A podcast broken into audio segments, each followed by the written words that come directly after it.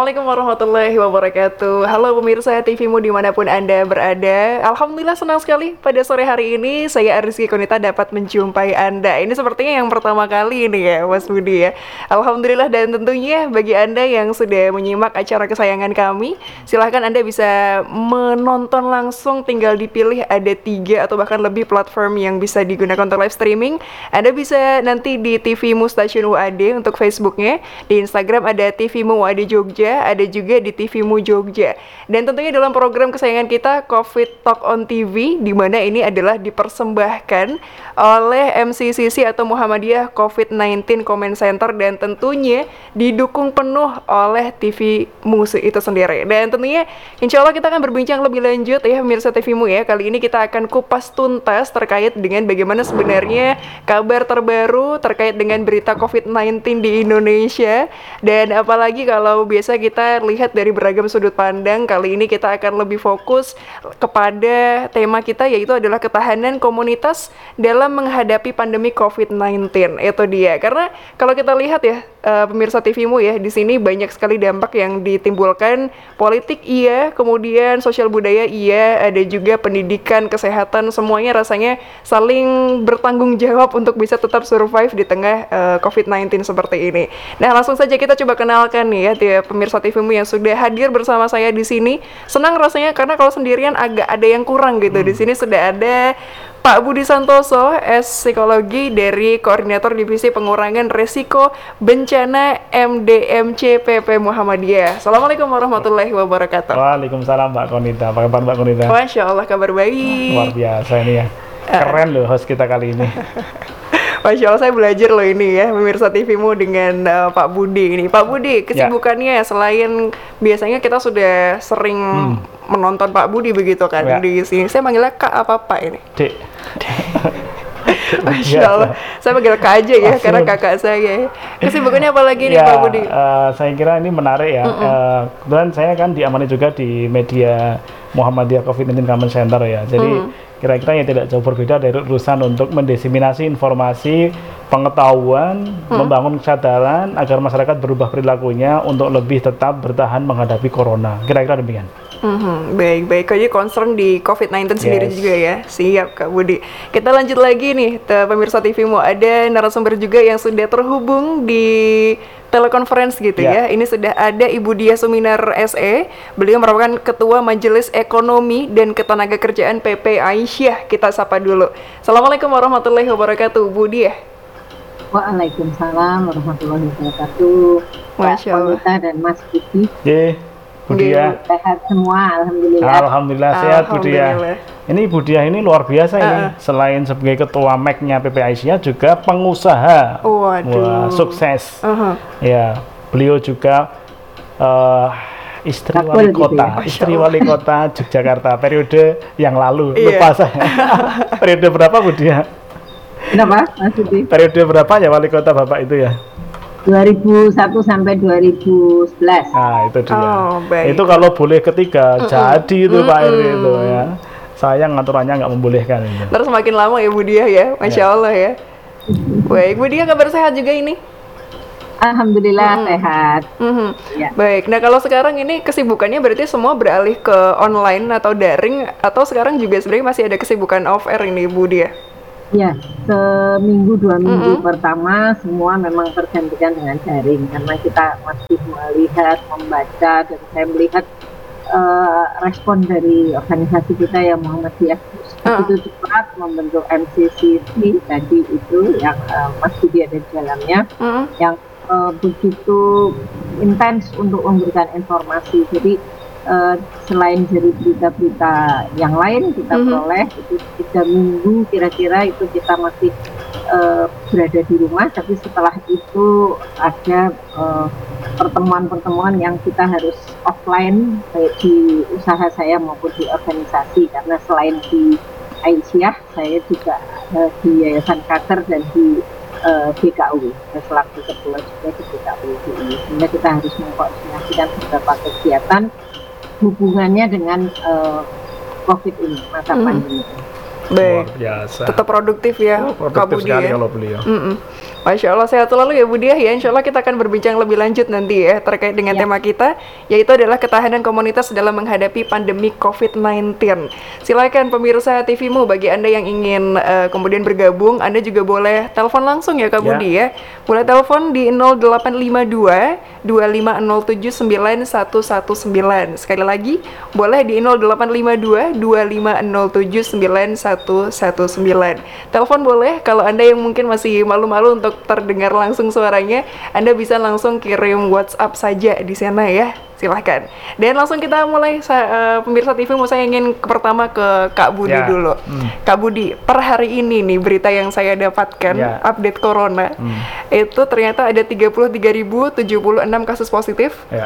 Kemudian ada 11.414 yang sembuh. Hmm. Masih banyak yang positif, Ya. Kak Budi. Kalau Kak Budi sendiri melihat ini dulu seperti apa? Ya, jadi memang kalau kita lihat ya, sebenarnya kalau kita angka, lihat di angka nasionalnya sebenarnya sangat masih tinggi penyebaran COVID. Di beberapa data menyebutkan bahwa Jawa Timur termasuk tinggi, Betul. kemudian Kalimantan Selatan juga tinggi, dan beberapa daerah eh, Sulawesi Selatan, Makassar juga masih tinggi ya. Tentu DKI juga ya. Jadi ini menjadi perti- pertimbangan banyak hal ya untuk lebih waspada, kehati-hatian. Tidak kemudian bahwa eh, di fase ini ya, ini kan kayak semacam kayak pasca Ramadan kemudian orang terlena, Mbak Koni, terlena betul. Kemudian merasa bahwa ini su- sudah itu ya. Sehingga kemudian euforianya mereka kemudian ke jalan ke warung-warung dan yang lain dan sebagainya ya. Nah eh, itu yang kemudian sebenarnya ini menjadi eh, bernilai resiko. Kalau kita hitung dalam konteks eh, hukum resiko itu sebenarnya ini masih cukup tinggi resiko eh, paparan virus corona ini di Indonesia. Jadi ini eh, yang terjadi. Dan ya saya kira ini menjadi perhatian bersama tidak hanya kemudian eh, Muhammadiyah tapi secara keseluruhan ini menjadi kewajiban bersama untuk lebih berhati-hati dalam situasi pandemik yang demikian. Ingat di statusnya sekarang masih status tanggap darurat COVID. Betul. Ya, jadi walaupun diimplisitkan ini menjadi transisi ya, tapi statusnya masih tanggap darurat COVID, baik nasional maupun eh, wilayah-wilayah ya. Kira-kira demikian. Baik, baik. Berarti memang ini bukan saatnya untuk berleha-leha dulu ya, Kak iya, Budi ya. Iya. Harus masih apa ya aware gitu ya, Ya, dan melihat tadi kita sebelum duduk di sini juga sudah Ah. menggunakan protokol. Artinya kita Betul. sudah pakai masker, tetapi ketika kita mau ngomong kita lepas dulu maskernya. Jadi kita udah pakai masker, jaga jarak. Nih Konita di situ, saya di sini ya. Nanti Dokter Alim di sini nih. Ya, beliau masih di perjalanan. Sebentar lagi akan datang. Iya, Ya, siap. di sini. Jadi ada jarak di antara kita lah demikian. Dan ada jarak juga di antara kita dengan Bu Betul. Dia di sana ya. Tidak apa-apa ya, Ya, Bu Diah ya. Yang penting sehat saya semuanya. bisa diberi kesempatan dari Ya. rumah ya, jadi ya, kita bisa mengobrol dari rumah. Iya. Jadi benar apa yang dikatakan Mas Budi bahwa Mhm. sebetulnya memang kita belum belum terbebas atau eh, tidak boleh terlena Hmm. eh, untuk masalah COVID ini. Kita memang harus tetap waspada. Oleh karenanya saya kira kalau di lingkungan kita Perserikatan Muhammadiyah dan Aisyah, saya insya Allah eh, lebih lebih optimis eh, pemahaman terhadap eh, COVID ini Mhm. eh, eh, banyak apa tuntunan, panduan dan informasi yang yang kita kita terima, kita kita laksanakan ya sehingga eh, saya berharap di lingkungan warga kita ini sudah lebih baik lah, sudah lebih paham, lebih sadar, tidak melakukan hal-hal yang berisiko. Dan tentunya saya eh, meyakini bahwa kita masing-masing di wilayah bicara di dari rumah tangga kita masing-masing sudah menjaga dari individu kemudian keluarga Mhm. eh, kita akan menjadi pelopor di lingkungan kita Wah, keren itu. minimal di Ya. satu desa wisma, Ya. satu RT kita harus berbeda dan menjadi pelopor termasuk kepedulian kita kepada eh, warga siapa pun dia yang terdampak eh, oleh COVID ini. Jadi dampak sosial, ekonomi, eh, segala aspek hampir Mhm. segala aspek ini eh, terkena dampak Mbak Konita dan Mas Budi. Nah, segera dan saya Tapi menarik ya tadi uh, Bu Dia tadi menarik ketika berbicara mengenai dampak. Mungkin Bu Dia bisa cerita sedikit ya karena kan beliau selain beliau ketua MEK juga pengusaha. Betul. Bu diceritain dong dampak di sektor ekonominya Bu. Nah, Terutama bagi pengusaha-pengusahanya. Ah, Bu Konit, eh, Bu Dia ini kan uh, pelakunya juga. Dampaknya seperti apa Bu Dia? Di terutama di pelaku usaha. Ya, ini saya bicara ya bahwa eh, saya dibantu oleh semua eh, tim saya di perusahaan itu kan tidak hanya tahu mhm. Ah, sepertinya sedang ini ya, Ya, Kak Budi ya. ya. Ada sedikit gangguan. Iya, Oh, halo. baik. Ah, Iya. silakan Budi ya. Mm-mm. Silakan Bu. bisa didengar? Ya. Bisa, Dengar, bisa. Eh, jadi baru baru kali ini eh, apa musibah ini terjadi setelah puluhan tahun. Padahal mereka yang telah bergabung bersama saya selama bertahun-tahun ikut bersama-sama berkembang memajukan perusahaan ini tentunya harus kita pikirkan. Nah saatnya sekarang kita jujur saja Mbak. Konita dan Mas Budi, kami ini ya dudah tabungan ya untuk untuk betul-betul bagaimana perusahaan ini tetap, Tetap survive ya, jalan, Bu. karyawan juga bisa terima THR, Ya. kita bisa berbagi walau sedikit kita mohon pengertian mereka dan Hmm. kita upayakan apa karena eh, dinamika eh, dampak COVID ini luar biasa bagi sektor usaha. Jadi hari ke hari kita harus lakukan apalagi yang harus bisa yang bisa Hmm. kita lakukan yang bisa kita lakukan dan seterusnya. Nah, jadi Hmm. eh, memang kalau saya ambil saja hikmahnya dari Ya. topik ini. Jadi yang tadinya tidak berpikir, saya harus saya berhentikan oh, Hmm. karena eh, baju Lebaran tidak karena toko kami terpaksa tutup, tidak ada baju Lebaran yang dibeli oleh konsumen kecuali melalui online. Kita Iya, jualan iya. online, alhamdulillah bisa membantu. Tapi penjahit kami switch menjahit hazmat dan eh, masker. Hmm. Ini yang kita Hmm. lakukan. Mhm, Jadi bukan baik, baik. nilai rupiahnya, tapi bagaimana mereka bisa bekerja, Mhm. bagaimana bisa mereka bisa tetap bergabung dengan kami. Begitu. Mhm, baik. Dan eh, satu hal lagi, pajak juga tidak libur saya. Oh, tetap itu ya. Tetap kalau itu ya. Baik, kita ini tetap harus Mhm. membudgetkan untuk itu. Kalau Iya. zakat pasti kita dengan Mhm. ikhlas ya, tapi Iya. kalau pajak sebetulnya rotok. Foto seprapat ya. Baik, kita tahan dulu ya Budi ya, karena semakin Ya. menarik ini ya Kak Budi ya. Hmm. Kalau soal ekonomi salah satunya ini menjadi PR bersama agar tetap bisa survive, tapi juga tidak berhenti gitu Hmm. ya Kak Budi ya. Silakan eh, pemirsa TVmu bagi anda yang eh, belum bergabung tadi bisa anda simak sekali lagi boleh di YouTube-nya, di Facebook atau di Instagram ya. Dan yang bergabung lewat WhatsApp juga masih kami tunggu. Usai jeda pariwara, kami akan kembali. Tetaplah bersama kami dalam Coffee Talk on TV.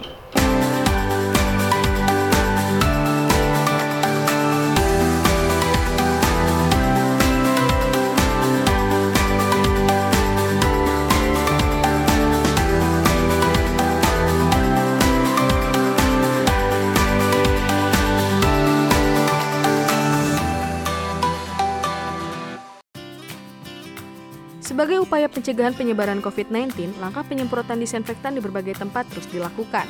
Muhammadiyah COVID-19 Comment Center bekerja sama dengan berbagai pihak melakukan penyemprotan disinfektan di berbagai tempat, seperti fasilitas umum, tempat ibadah, dan sekolah-sekolah.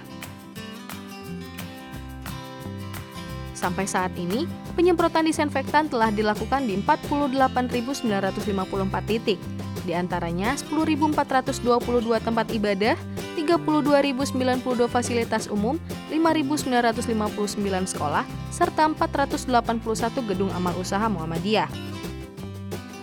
Ingat, disinfektan hanya untuk benda mati dan simak panduannya di Instagrammu COVID-19. Tetap jaga jarak, jaga kebersihan, selalu cuci tangan dan menggunakan masker. Bersatu perangi Corona.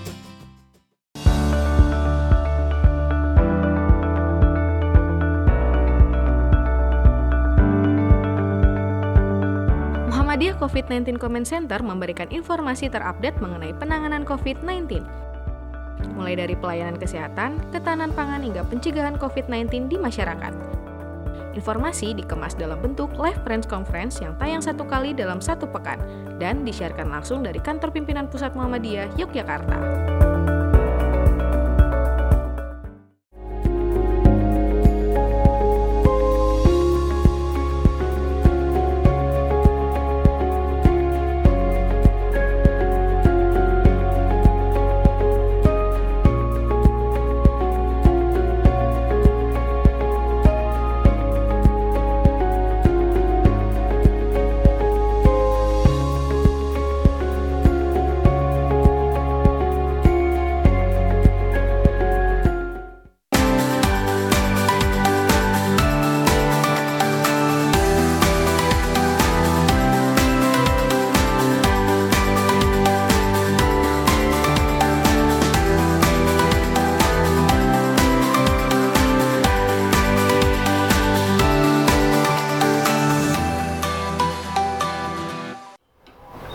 Iya, Mirsa TVmu terima kasih Anda masih bersama kami dalam program Coffee Talk on TV dan tentunya kami masih mengundang Anda Mirsa TVmu untuk bisa bergabung bersama kami. Bisa Anda akses ya di Facebook, di Instagram dan di YouTube. Kalau di Instagramnya di TVmu UAD Jogja, kalau di YouTube-nya di TVmu Jogja. Dan Anda masih bisa telepon interaktif bersama kami di 0852 119. Dan kalau tadi kita masih berdua ini ya Kak Budi ya, masih dengan Budia juga sekarang ketambahan satu lagi nih Masya Allah Ya. semakin ramai. Ada Dr. Ahmad Mutakin Alim, ini merupakan Wakil Ketua MCCC PP Muhammadiyah. Kita sapa dulu ya. Assalamualaikum warahmatullahi wabarakatuh. Waalaikumsalam Mbak Konita. Mhm, dok- dokter ya saya manggilnya ya. Boleh, boleh. Dokter kabarnya sehat? Alhamdulillah. Biasanya yang manggil saya dokter itu pasien saya. Oh, saya harus jadi pasien atau gimana ini? Masya Allah. Ini kesibukannya gimana nih dok? Karena kalau dokternya adalah salah satu profesi yang anti libur di tengah pandemi. Iya, jadi kadang lupa hari, ini tanggal berapa, hari apa, kadang lupa memang. Jadi ya. Ya. Iya, jadi kalau pas begini ya anggaplah ini libur gitu. Oh, baik. Gitu. Kalau ada aktivitas lain selain di rumah sakit itu libur gitu ya dok? Iya, gitu. Oh, baik, baik silahkan ya pemirsa TVmu ini juga menjadi pertanyaan yang cukup menggelitik juga kalau terkait dari medis begitu. Dokter Alim, saya tertarik ini kita sudah berbincang dengan Kak Budi dan juga dengan Bu Dia. Saya ingin dengar dulu dari Dokter Alim ini kalau apa ya persebaran dari COVID-19. Sekarang beberapa tempat sudah eh, menjalankan kelonggaran PSBB begitu untuk wilayah Surabaya mungkin, tapi di Yogyakarta ini sepertinya masih seperti ini. Nah, kalau dari medis sendiri melihatnya seperti apa? Apakah beresiko semakin longgarnya? Kalau lihat data beberapa hari terakhir, data nasional ya, data nasional itu kan grafiknya masih naik. Heeh. Kemarin eh, hampir menembus 1000, jadi 900 sekian penambahannya. Hari ini 1000. Per hari ya dok ya. Iya, per hari ini 1043. Artinya grafik itu naik. Hmm. Dan begini, ad- pun eh, Indonesia itu punya puncak yang tidak tunggal. Puncak baik. tidak tunggal itu bagaimana? Maksudnya puncak yang tidak tunggal itu misalnya Jakarta kemarin sempat naik tinggi, Mhm. kemudian mulai agak turun nih. Tapi ketika, Jakarta turun, Surabaya, Jawa Timur itu naik. Artinya puncak Surabaya mengikuti. Setelah itu yang lain lagi. Kemudian dengan percepatan penularan yang berbeda di setiap kota. Nah kalau digambarkan itu grafiknya nggak cuman s- naik begitu terus Iya. turun gitu, tapi naik di sana turun, tapi di sini naik lagi, betul. di sana naik lagi. Jadi puncak di Indonesia itu ber- beragam. Seka- sehingga mulainya berbeda, bisa jadi akhirnya nanti juga berbeda dan kita belum tahu kapan ini. Dan yang kedua bisa jadi puncak itu tidak tunggal, eh tidak cuman sekali. Misalnya Jakarta naik nih, tapi sudah turun. Kema eh, ini nunggu arus balik nih, naik lagi apa enggak? Hmm. Eh, Jawa Timur pun demikian. Kemudian di NTB, di Papua itu sedang menanjak. Suatu saat turun tapi bisa jadi naik lagi. Eh, karena virus itu bukan tidak bisa terbang ke mana-mana sendiri. Virus itu kan pergi bersama manusianya. Nah, sementara mobilitas manusia di Indonesia masih begini, artinya masih aktif ya. Eh, di penelitian di Surabaya PSBB diberlakukan tetapi ketaatan terhadap PSBB juga hanya rata-rata 30%. Artinya 70% sisanya orang masih aktif.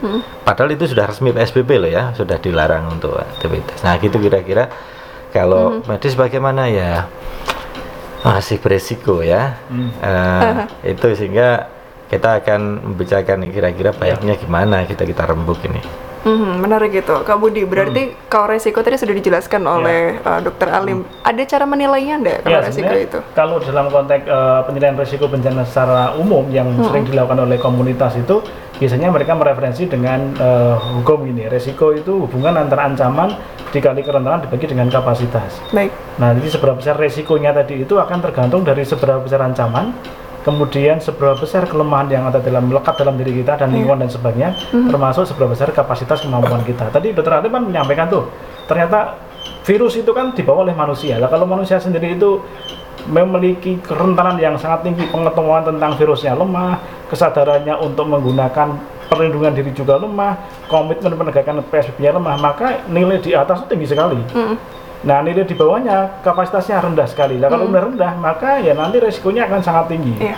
Eh, mungkin dokter Aden nanti bisa sharing eh, di beberapa eh, apa namanya eh, referensi kan menyampaikan bahwa risiko tinggi, resiko eh, sangat tinggi, resiko tinggi, resiko sedang atau ringan aman.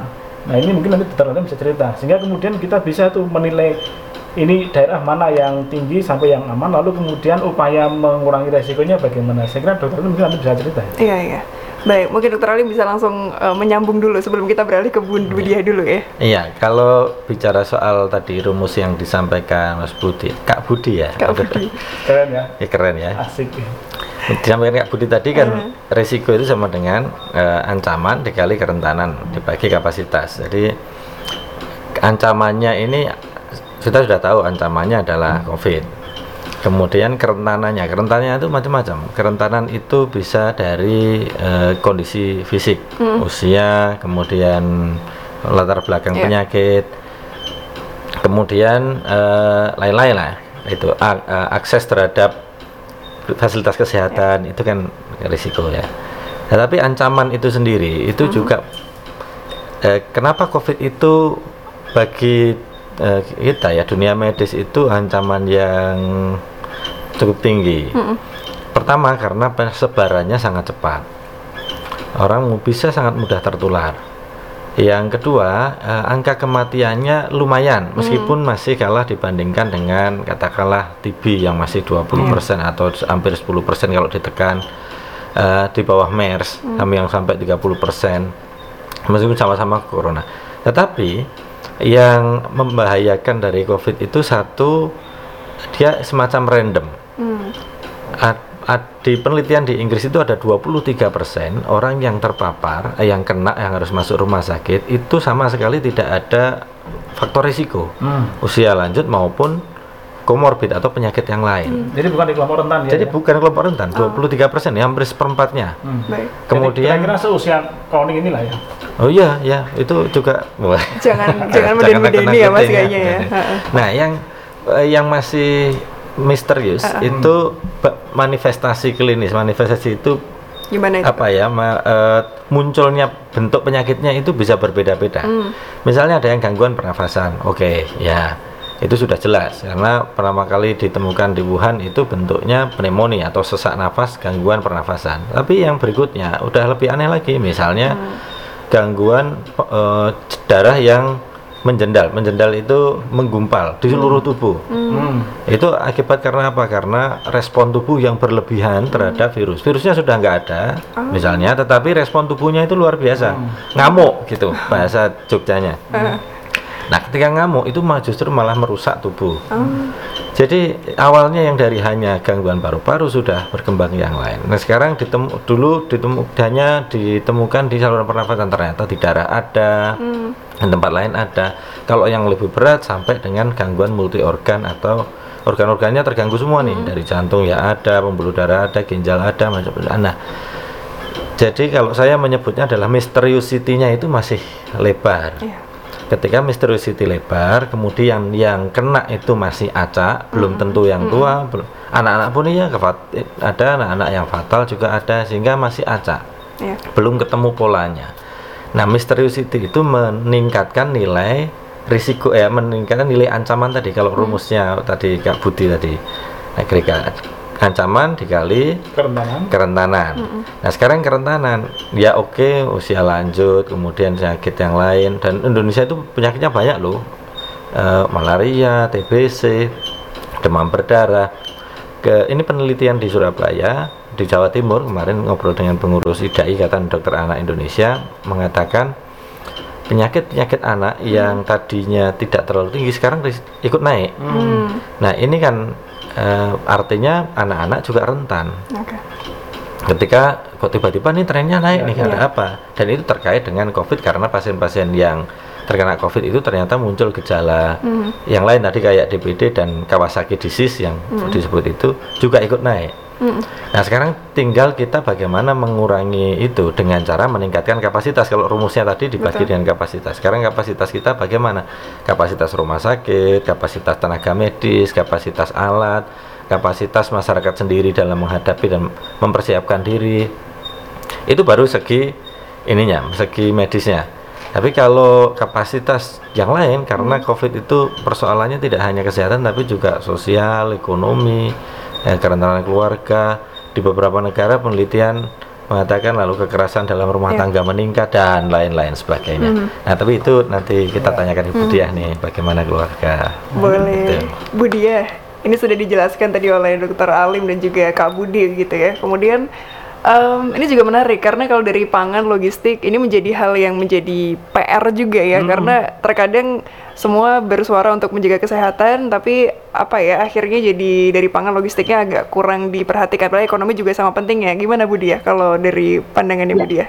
Ya, eh, betul tadi yang dikatakan Dokter Alim ya. jadi bahwa eh, kita harus apa di melengkapi kapasitas Mhm. kapasitas kesehatan, terutama di dalam keluarga. Ini ada pemahaman dulu yang baik. Kita nggak boleh main-main dengan COVID ini. Betul Betul. menurut saya.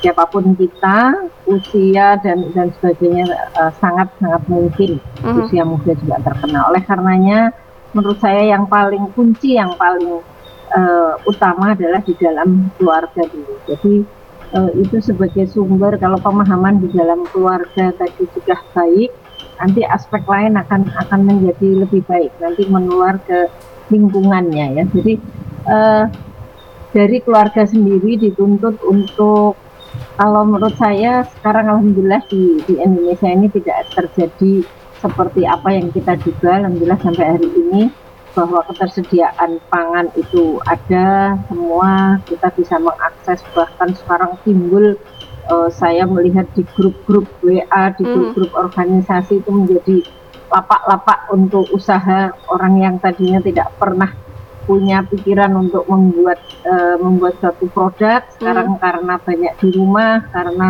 eh, kemudian berpikir suatu ide tapi menurut saya ini suatu hikmah juga Hmm. karena eh, banyak inovator banyak eh, yang Ya, kreatif untuk Baik. membuat produk-produk Baik. yang eh, dijual nah, Iya. sehingga Baik. menurut saya eh, ini penting dari lingkungan keluarga kemudian tadi mbak bagaimana eh, hal-hal yang prioritas itu bisa menjadi eh, di, dibiasakan ya di dalam Aha. keluarga Betul Baik, betul, kita tahan dulu, Bu Diah, ya, sampai situ ya. hanya yang prioritas yang penting kesehatan dulu kemudian eh, ya Bu Diah ini ada yang mau telepon dengan Bu Diah nih. Ya, ada sebentar Ibu Dia ya, kita tahan dulu sebentar ya, karena menarik Iya. sekali kalau ngomongin soal produk dari keluarga sendiri. Kita sapa dulu penelpon yang sudah bergabung bersama kami. Assalamualaikum warahmatullahi wabarakatuh. Halo, Assalamualaikum warahmatullahi wabarakatuh. Halo, Halo, Assalamualaikum. halo, assalamualaikum. Waalaikumsalam warahmatullahi Dengan siapa di mana? Ini saya mau tanya. Ya, silahkan, silahkan. Ah, ini saya mau tanya. Saya da- dari Pak Julson dari Samarinda. Samarinda. Tanyanya seperti ini, karena ini eh, corona ini sudah masuk di lingkaran politik. Hmm. Baik. Assalamualaikum. Waalaikumsalam. Waalaikumsalam. salam Aha. Kemudian bagaimana, Pak? Iya sudah masuk di lingkaran Ah, ah. eh, politik ini. Jadi bahkan ada ke videonya bahwa corona ini sengaja diproduksi oleh Amerika bekerja sama Israel. Ah, baik. Ya. Iya. Sudah Pak? Mm-mm. Iya sudah masuk di lingkaran politik. Jadi masyarakat ini percaya, masyarakat bawah ini kalau atas ini kan sudah masuk di lingkaran politik ini. Jadi tolong penjelasan ini karena ini mana mungkin bekerja sama Israel dengan Amerika sengaja untuk mau menciptakan kekacauan. Mau Ya. penjelasan bu? Baik, baik. Terima kasih Baik, banyak, Pak sudah ya. bisa ditangkap ya Mbak Konita Ah, ya. Pak Ruskan dari Samarinda. Terima kasih banyak, Pak. Assalamualaikum. Baik, sudah terputus sepertinya. Terima kasih banyak. Nah, kita akan jawab nanti ya Kak Budi ya, Dokter Alim dan juga Budi ya. Usai kita jeda dulu, eh, pemirsa TVmu bagi Anda yang ingin bergabung masih boleh di segmen berikutnya. Tetaplah bersama kami dalam Coffee Talk on TV.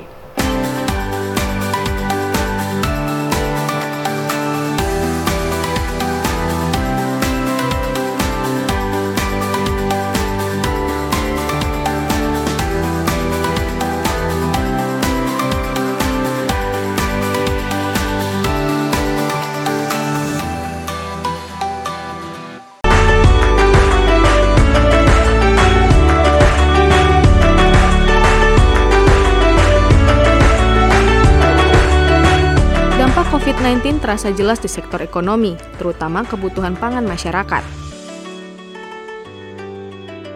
Muhammadiyah COVID-19 Comment Center dari pusat wilayah daerah cabang hingga ranting telah membagikan paket sembako kepada masyarakat terdampak COVID-19.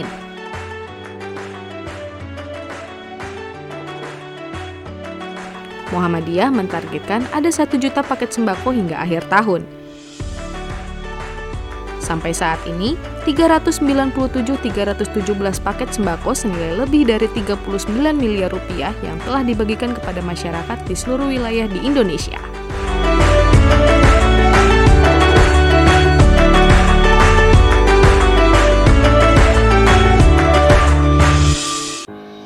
Selamat pagi untukmu yang selalu memulai dengan yang halal. Memulai yang pertama dengan semangat. Memulai menyebarkan inspirasi. Kecantikan sejati dimulai dari inovasi tanpa henti. Kebaikan dimulai dari yang halal. Wardah halal dari awal. Rumah sakit menjadi garda terdepan dalam penanggulangan COVID-19 dan dapat juga menjadi benteng terakhir maka dari itu, Rumah Sakit Muhammadiyah Aisyah siap menjadi rumah sakit yang melayani pasien COVID-19 dengan dukungan fasilitas yang optimal. Saat ini, telah ada 77 rumah sakit Muhammadiyah Aisyah yang membantu dalam penanganan COVID-19. Bahkan, tidak hanya itu, Muhammadiyah juga mewujudkan rumah sakit darurat untuk penanganan COVID-19. Ikhtiar ini sebagai wujud Muhammadiyah dalam membantu pemerintah memerangi COVID-19 bersatu perangi Corona.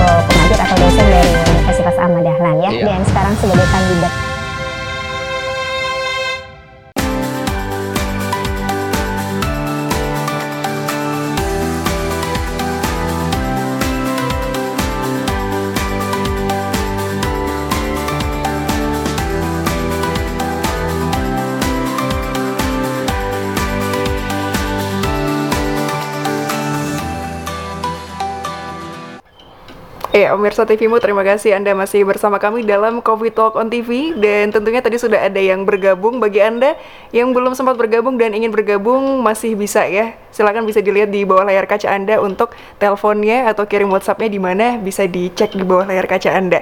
Tadi sempat terputus ini Kak Budi dan juga Dokter Alim. Ada Pak Ruskan dari Samarinda tadi yang bertanya Eh, ini sepertinya COVID-19 ada kaitannya dengan politik, bahkan disebutkan dengan Amerika Serikat dan juga ada hubungannya dengan eh, Israel pula. Ini seperti apa nih kalau dari Dokter Alim? Eh, ini pertanyaan selalu ditanyakan di semua forum ya. Tapi begini, eh, gampangannya begini, kalau itu buatan Amerika, wong Amerika itu pastinya juga banyak sekali kok yang kena gitu. Ini bikinan Israel loh, Israel itu juga korbannya banyak, ekonominya sampai turun loh.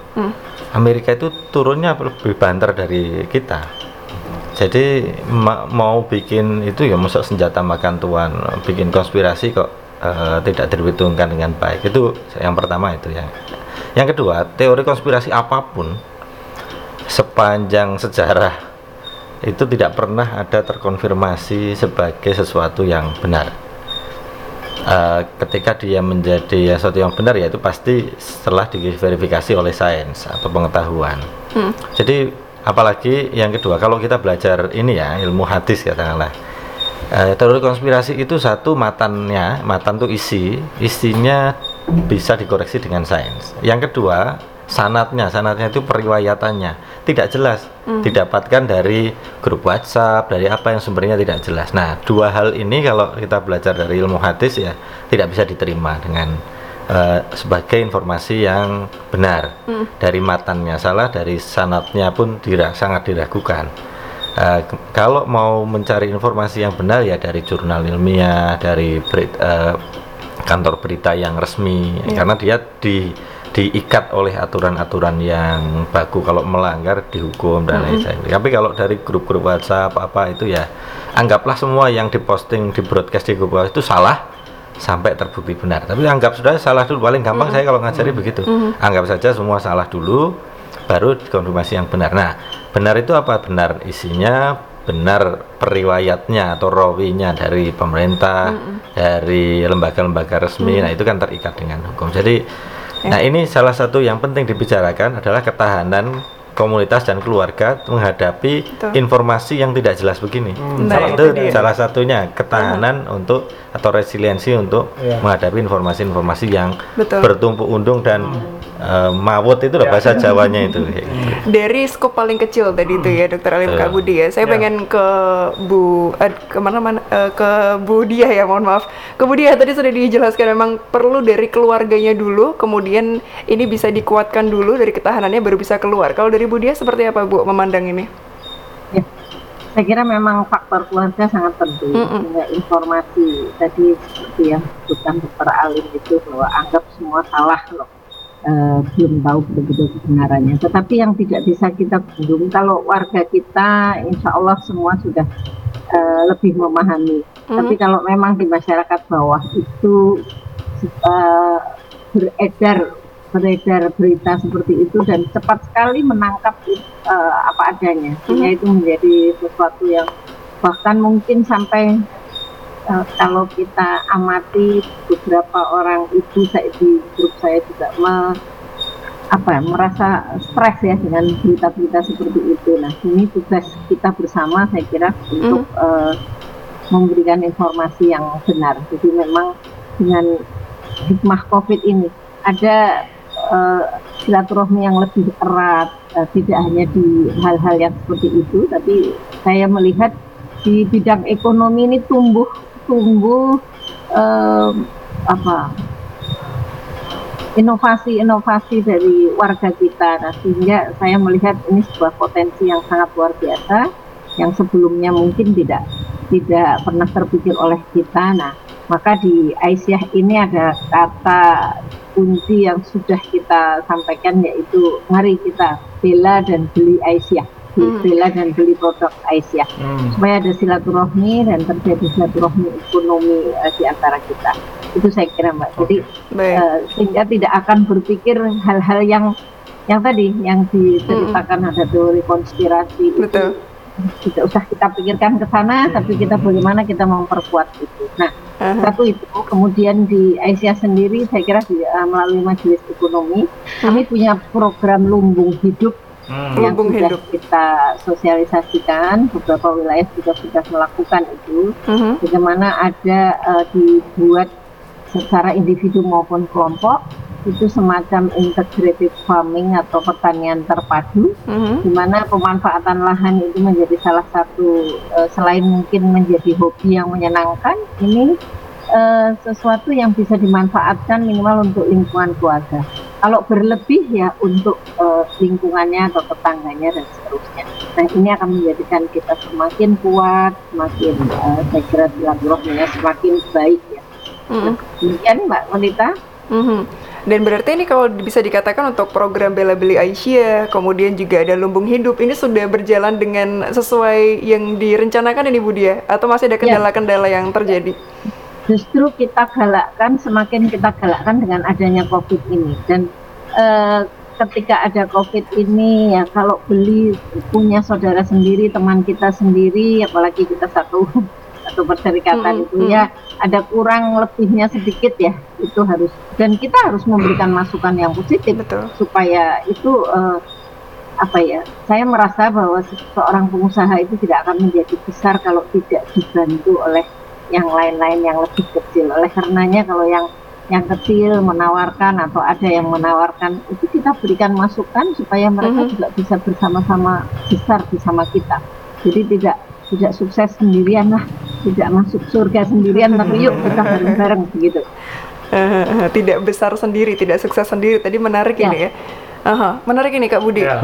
Tidak sendirian jalannya, Ya. tapi sejahtera semuanya. Kalau Kak Budi gimana nih Ya, memandang ini? kalau saya begini, ini kembali ke konsep ketahanan komunitas ya. Mm-mm. Jadi kan ini kan sudah mulai muncul tuh eh, pola mitigasinya Iya. lumbung hidup, eh, bela beli produk Aisyah itu kan mitigasi itu.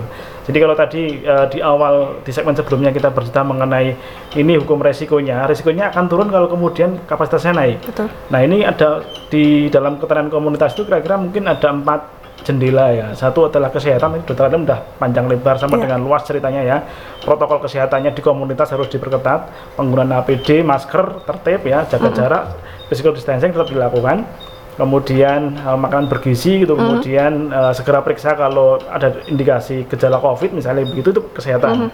Jendela satunya atau pasal satunya. Pasal keduanya ekonomi tadi Bu dia udah lumbung hidup itu kan bagian dari pasal di ekonomi di ketahanan komunitas. Termasuk misalnya ekonomi eh, di keluarga yang paling kecil ya. Bagaimana kemudian tetangga bisa menghidupi tetangganya yang berkecukupan rezekinya memberikan rezeki kepada tetangganya. Betul. Itu kan saling eh, apa namanya ber ber, ber- ber- bersaudara gitu ya. Persaudaraan di antar rumah dalam komunitas satu kawasan. Lah, selain yang lain biar yang kena PHK disupport eh, yang survive. Yang sedang keluarganya mungkin terkena pandemik f- positif tidak bisa apa-apa disupport tetangganya. Betul. itu ekonomi. Lalu kemudian sosial budaya. Mm. jadi tetap eh, sosialnya dilakukan tetapi mungkin by WhatsApp, video call atau LAN atau kalau zaman dulu kecil itu pakai cemung, kasih kabel panjang, ngomongnya ini antar rumah itu, piye kabar mulai. Nah, itu pakai cemung itu juga Iya. bisa. Kan ini kan kreatif ya, membangun komunitas yang Betul. kreatif. Atau sekarang pakai radio HT. Jadi ya tinggal kemudian tidak perlu pakai frekuensi apa pun, tinggal direct antar tetangga bisa. Ini sudah menjadi gejala komunikasi sosial. Sehingga kemudian mereka sosialnya masih budayanya. Kalau ada hal yang bisa dilakukan untuk meningkatkan gairah bersemangat dalam komunitas menjaga corona dilakukan. Apa di rumah dalang sendiri disiarkan ke tetangga-tangganya itu bisa aja. Ada teman kita relawan dari Pacitan Iya. itu dia dalang di rumah di relay ya di jadi di live kan Oh. yang ta- tetangganya suruh mendengarkan itu ada namanya Mas Bambang dari Pacitan. Dia emang eh, pendalang. Lalu budaya.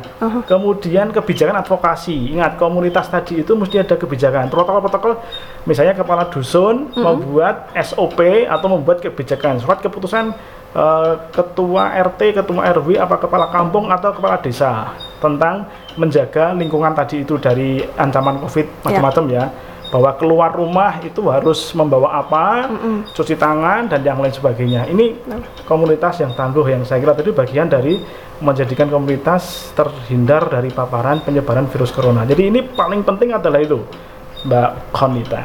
Siap, Masya Allah. Sudah lengkap rasanya ini Nah ini dibahas nanti kemudian dilangkahkan ada pen- pencegahannya, ada penanganannya, ada rehabilitasinya. Mana yang pencegahannya edukatif? Ini Dokter Alim sangat jago di edukatif karena beliau di MC kan wakil bidang wakil ketua yang Ketua. bidangi tentang eh, edukasi. Jadi di pencegahannya mesti seperti apa, kalau terjadi seperti apa, kalau setelahnya seperti apa. Dokter Nah, Alim itu. bisa bercerita. Itu dokter Alim. Upaya preventif. Ini terkadang em, mungkin beberapa masyarakat agak suka lupa. Akhirnya ketika sudah tercebur, akhirnya jadi bingung. Makanya sebelum tercebur ada upaya preventifnya. Tapi kita tahan dulu dokter Alim ya. Kita akan coba langsung dengar langsung eh, pemirsa TVmu dari dokter Alim seperti apa upaya preventifnya. Silakan bagi anda yang baru bergabung bisa anda bergabung di live streamingnya di YouTube, di Instagram maupun juga di Facebook. Kami akan kembali usai jeda pariwara berikut ini. Tetaplah bersama kami.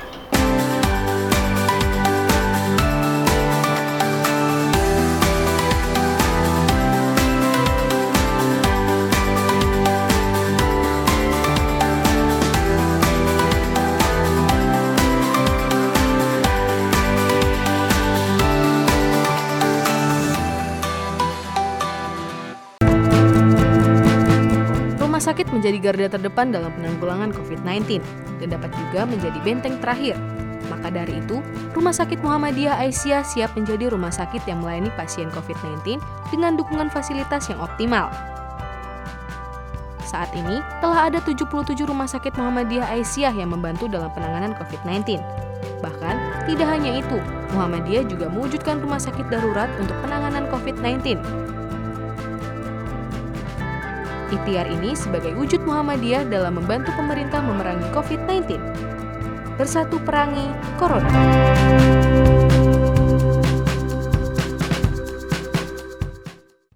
Batik Nasional Muhammadiyah sudah menjadi kebanggaan bagi setiap warga Muhammadiyah. Bahkan, pimpinan pusat Muhammadiyah secara resmi menggunakan batik nasional untuk pertemuan nasional maupun internasional. Dua kader Muhammadiyah, Iqbal dan Sarah, peraih medali emas di kejuaraan pencaksilat Asian Games, menjadi bagian ikon brand ambasador batik nasional Muhammadiyah. Kami bangga berbatik nasional Muhammadiyah. Untuk pemesanan lebih lanjut, hubungi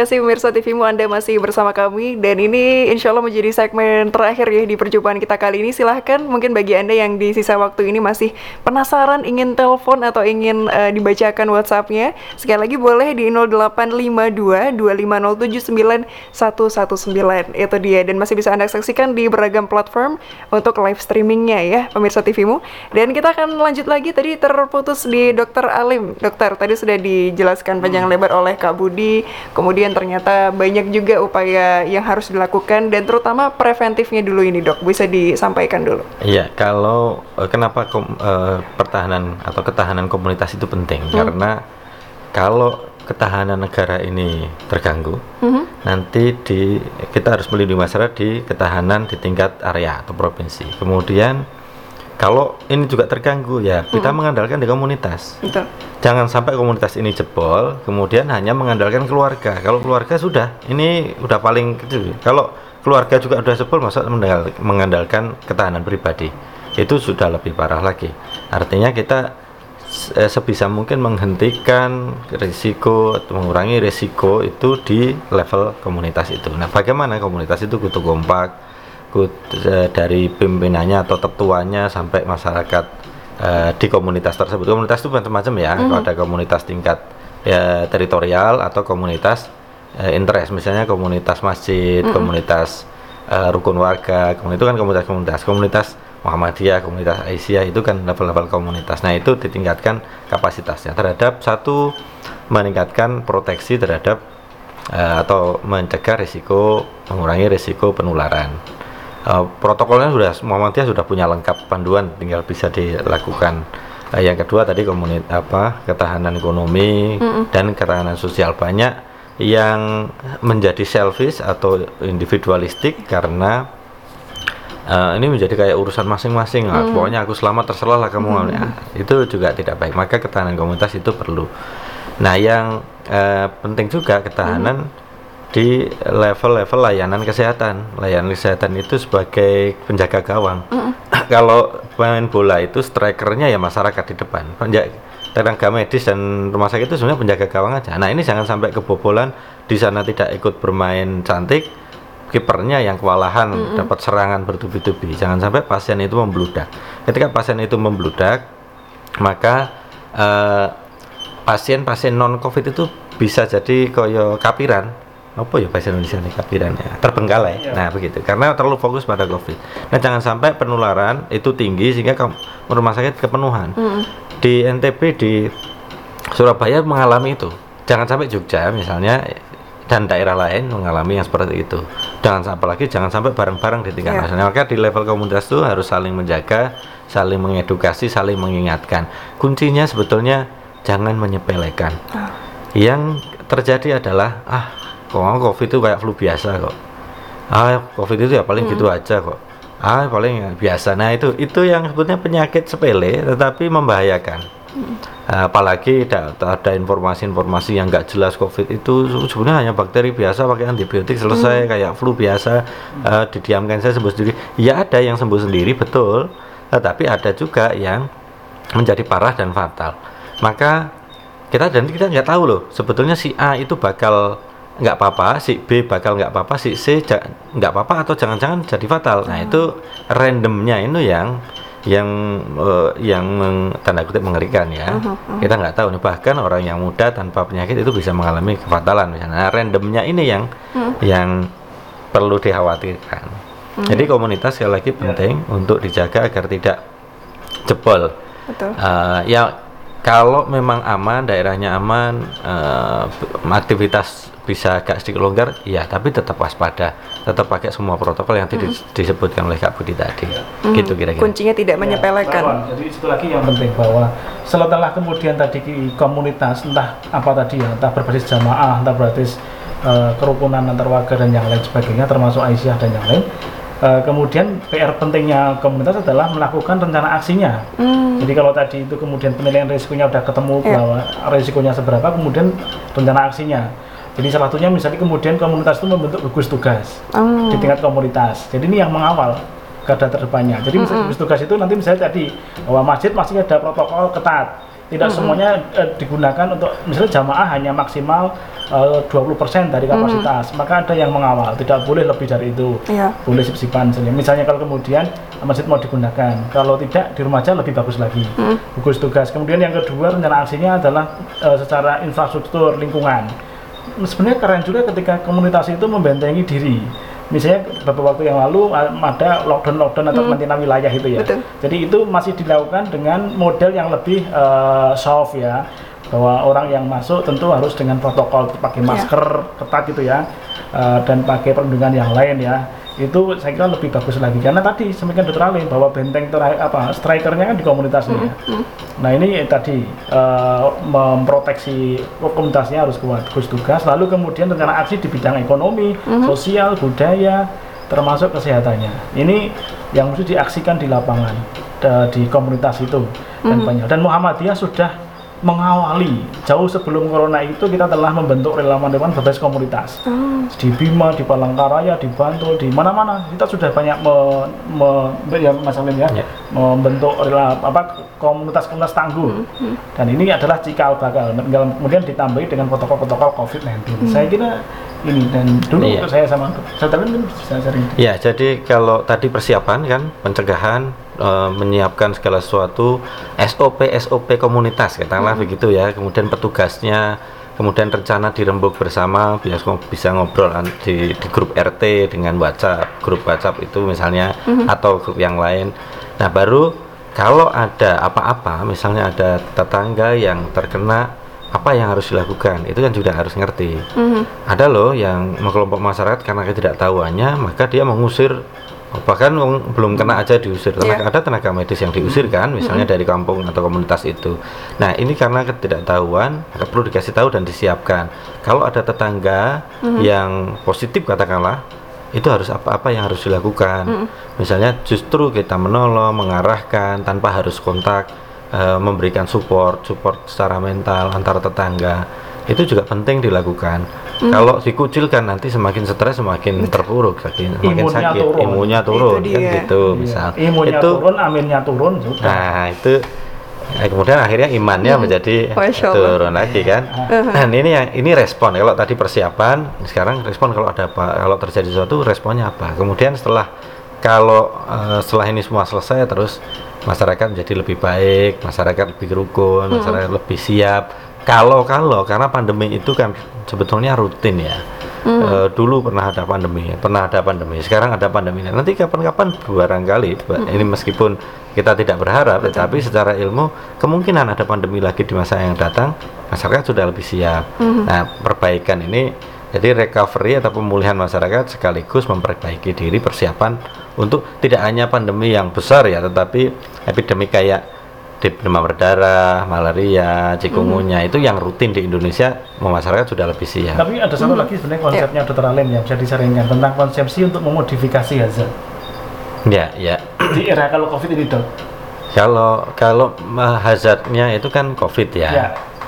Uh, yang kalau di tingkat komunitas agak sulit me- memodifikasi si hazard ini, tetapi kita sesungguhnya bisa para ilmuwan mengurangi efeknya dengan cara macam-macam nih. Uh, kalau sudah kena obatnya akan ditemukan obat yang lebih canggih. Iya. Pencegahannya menggunakan vaksin yang sekarang masih terus diteliti. Kalau toh tidak ada, begini ya kita nggak jangan terlalu pesimis dengan uh, belum adanya vaksin. Eh, demam berdarah itu dulu pertama kali muncul itu angka kematiannya 30% loh. Jadi sepertiga orang yang kena demam berdarah itu mati Pada awalnya ya. pada awalnya. Belum ada vaksin. Sampai sekarang belum ada vaksinnya. Berarti ya seperti seperti ini ya. Iya seperti sekarang belum ada Daya vaksinnya. tahan tubuh Tetapi, kan? nah tetapi satu daya tahan tubuh, yang kedua sistem pengobatan yang baik menurunkan angka kematian demam berdarah itu menjadi 0, dari 30% menjadi 0, itu Hmm. Iya. kan jauh banget. Artinya eh, ke depan makin kita bisa mengurangi hazard itu dengan cara berbagai macam cara termasuk menunggu penolakan. Nah ini kita serahkan pada para ilmuwan untuk Ya. terus dikembangkan. Tentunya dengan dukungan yang positif tadi ya sudah disampaikan Ya, nah, bukan dan- Dan. PR Pak. kita adalah di komunitas kita kita bertahan biar tidak tertular dan tidak menularkan. Itu saja. Itu dia dari per individunya seperti itu. Saya ingin coba ini beralih ke Budiah. Ini Budiah sudah banyak disampaikan oleh eh, Dr. Alim dan juga Kak Budi. Kalau dari Budiah mungkin bisa disampaikan kepada eh, pemirsa TVmu begitu ya. Ada mungkin ajakan atau kemudian pesan yang eh, biar agar kita lebih aware lagi, lebih peka lagi terhadap Ya. lingkungan sekitar kita dengan COVID-19 ini. Ya, Wanita eh, ini yang pertama tentunya kita harus tetap waspada Mhm. semua tadi yang disampaikan oleh eh, Mas Budi maupun Dr. Alim harus kita taati. Yang pertama itu, tetapi di samping itu kita tidak boleh terus eh, apa ya pesimis, tetap semangat karena justru saya melihat di masa COVID ini kok banyak sekali eh, bukan ujian ya sesuatu yang kita sebagai proses belajar. Proses belajar untuk jadi wirausaha proses belajar untuk eh, mengerjakan hal-hal yang yang tadinya tidak tidak biasa kita lakukan misalnya ada hobi yang lain yang eh, tentunya nanti akan bisa punya manfaatan kemudian kita tingkatkan kepedulian tanpa ini saya kira tadi eh, di komunitas itu tingkatkan kepedulian kepada eh, sesama kita kepada tetangga dekat kita apalagi kalau kita yang berlebih. Kemudian juga eh, jejaring ini sangat perlu. Kalau kami di di Aisyah ini jadi produk-produk eh, saudara kita produk-produk Mhm. dari se- sesama anggota Aisyah ini akan eh, justru mungkin kalau eh, secara organisasi bisa dilakukan pendataan juga kita akan melihat potensi-potensi yang tadinya tidak muncul ini melalui COVID ini sehingga nanti akan tersaring dan bisa kita tingkatkan. Insya Allah begitu. Nah, jadi eh, tetap positif, tetap semangat, tetap kita optimis. Kita tidak tahu kapan ini akan berakhir, tapi kita kalau anak muda bilang move on ya harus terus jalan, ya, harus terus jalan eh, menuju yang lebih baik. Saya kira, nah ketika nanti eh, karena menurut dokter tadi kan ah, penyakit itu mesti akan ada terus. Jadi baik. kan ini proses belajar kita lebih hati-hati dan habit yang sudah baik ini tidak boleh terus hilang Oke. karena tidak ada covid nggak cuci tangan Betul. karena tidak ada covid kita tidak bersaudara Ah, ah. lagi karena tidak ada covid kita eh, tidak lagi punya ide punya inisiatif yang baik saya kira itu Baik, saya. setuju. Sepakat sekali dengan Budiah ya kita semua ya bahwa tadi kalau ada tiga kata kunci yang perlu kita garis bawahi lagi positif, optimis dan juga semangat. Setuju ya ini Dokter Alim dan Iya, juga iya. Kak Budi ya. Oh iya, kalau saya dengan Budia selalu setuju saya. Masya Allah, bagaimana Anda? Pemirsa TVmu Insya Allah juga setuju. Dan tentunya kita bisa sama-sama eh, lebih menjaga kebersihan kita, lebih kemudian tidak ketika sudah selesai pandeminya kemudian kembali ke habit awal tapi bisa dilakukan dengan yang baik-baik saja. Dan tetap saksikan untuk Covid Talk on TV setiap Senin sampai Sabtu pukul 4 sore sampai 5 sore waktu Indonesia Barat. Dan akhirnya saya Ariski Gunita harus undur diri. Terima kasih banyak. Wassalamualaikum warahmatullahi wabarakatuh